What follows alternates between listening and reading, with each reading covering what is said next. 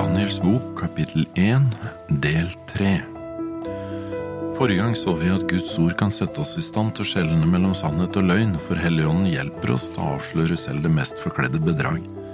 Men vi må be Gud om hjelp til å se og til å forstå. I dag skal vi se hvordan kongen forandrer navnene på disse tre gutta, eller fire er det jo egentlig, da. Daniel, Hananya, Mishael og Hasarja. Det står at eh, de ble gitt nye navn. Daniel kalte han Belsasar, Hananya Shadrak, Mishael Meshak og Asarya Abnego. Navn i Bibelen er ofte brukt som et uttrykk for en persons karakter. Jesaja sier du skal kalles med et nytt navn som Herrens munn skal nevne, og i Åpenbaringen 2,17 hvor det står at den som seirer, han vil jeg gi den skjulte manna, og jeg vil gi ham en hvit sten, og på stenen et nytt navn skrevet som ingen kjenner uten den som får det.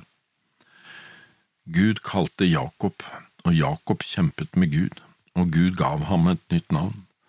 Jakob navnet betyr bedrager, Israel det navnet betyr den som har kjempet med Gud og seg selv og vunnet. Fra å være bedragersk av natur ble Jakob seiervinner. Den øverste hoffmannen, grunnen til at han endrende navnene, tror jeg også er fordi han ønsket en endring. Bort fra Israels gud. De skulle ikke ha fokuset på han, og til babylonske guder. Daniel betyr Gud er min dommer. Det ble forandret til Belsasar, som betyr herre over de som er satt i forlegenhet sine skatter. Kan du se hvordan fokuset flyttes bort fra himmelens Gud, som er hans dommer, til Daniel selv, som herre? Hanania betyr Gud har begunstiget, visdommen kom fra Gud, det var Gud som hadde begunstiget Hanania.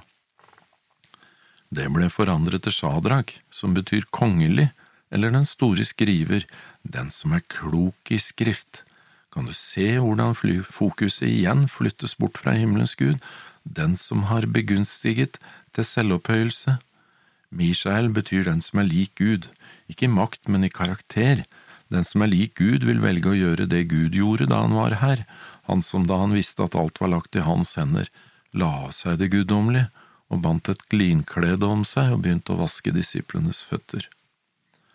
Navnet ble forandret til Meshak, en kongelig gjest.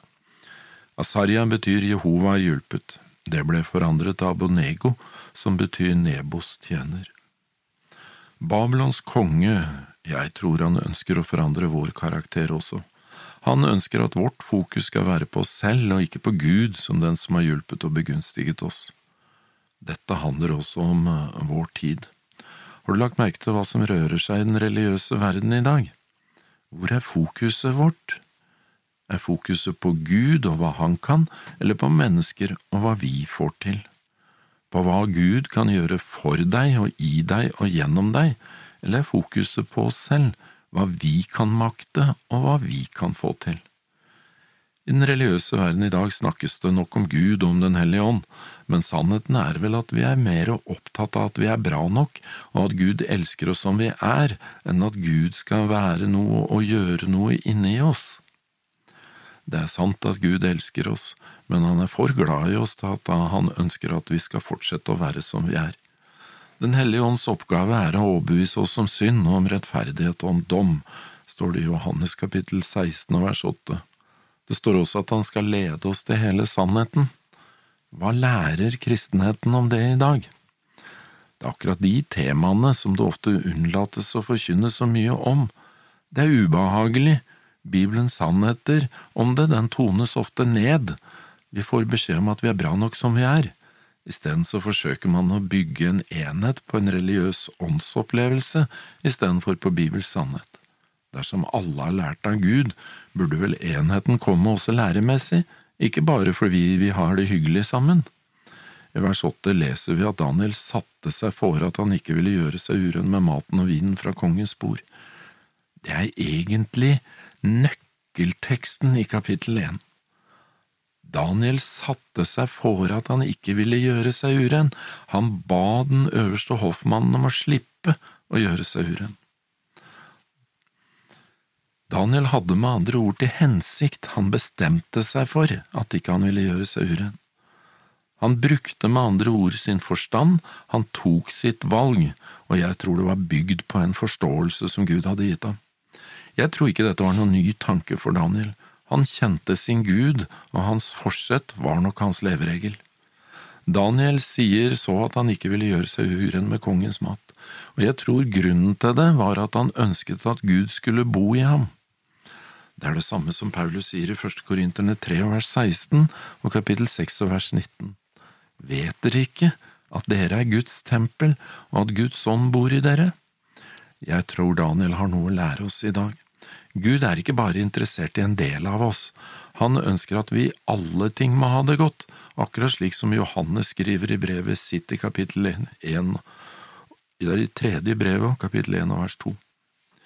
Gud er interessert i å kommunisere med oss og ønsker at vi skal ta vare på kroppen vår, slik at ikke noe kan bryte ned og stenge for denne kontakten.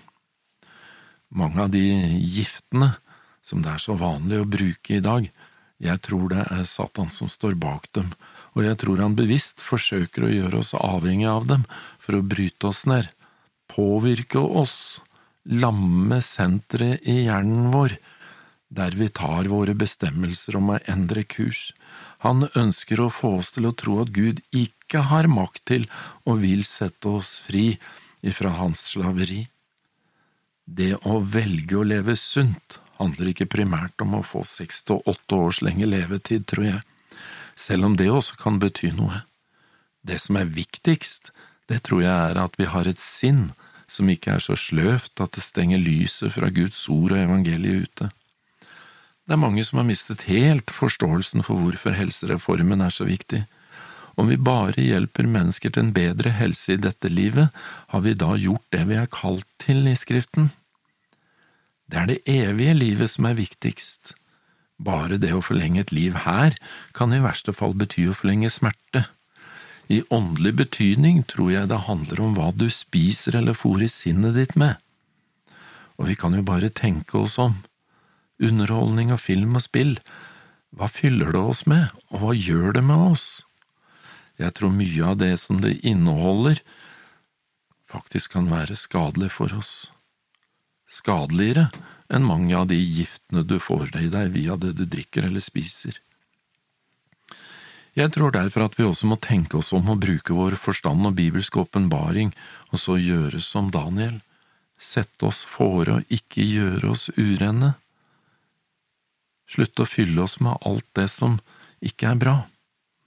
Det er mange mennesker som venter på Gud, de forventer at Han skal gjøre alt, samtidig som de velger å leve i synd. Men Gud vil aldri ta kontroll over deg og bestemme hva du skal gjøre. Gud er ikke diktator. Du er kalt av ham, men valget er ditt. Du må ta imot. Det skjer ingenting i livene våre før vi også setter oss for i hjertet vårt og ikke gjør oss urene. Tenk på Bartimeus, den blinde mannen. Jesus forteller om ham i Markus 10. Han spør ham, Hva vil du jeg skal gjøre for deg? Og Jesus gjorde også noe for ham. Men når du leser historien, så ser du at mannen først måtte reise seg, på tross av at han var blind, så måtte han bevege seg dit hvor han trodde at Jesus var. Daniel satte seg fore, han bestemte seg for å ikke gjøre seg uren. Når du leser bønnen hans i kapittel ni, så vil du se at han erkjenner at han tidligere nok ikke hadde tatt det fullt ut på alvor. Står i Daniel kapittel ni vers ni og ti, hos Herren vår Gud er barmhjertighet og tilgivelse, for vi har satt oss opp imot ham, og vi hørte ikke på Herren vår Guds røst og fulgte ikke Hans lover som Han satte fram for oss ved sine tjenere profetene.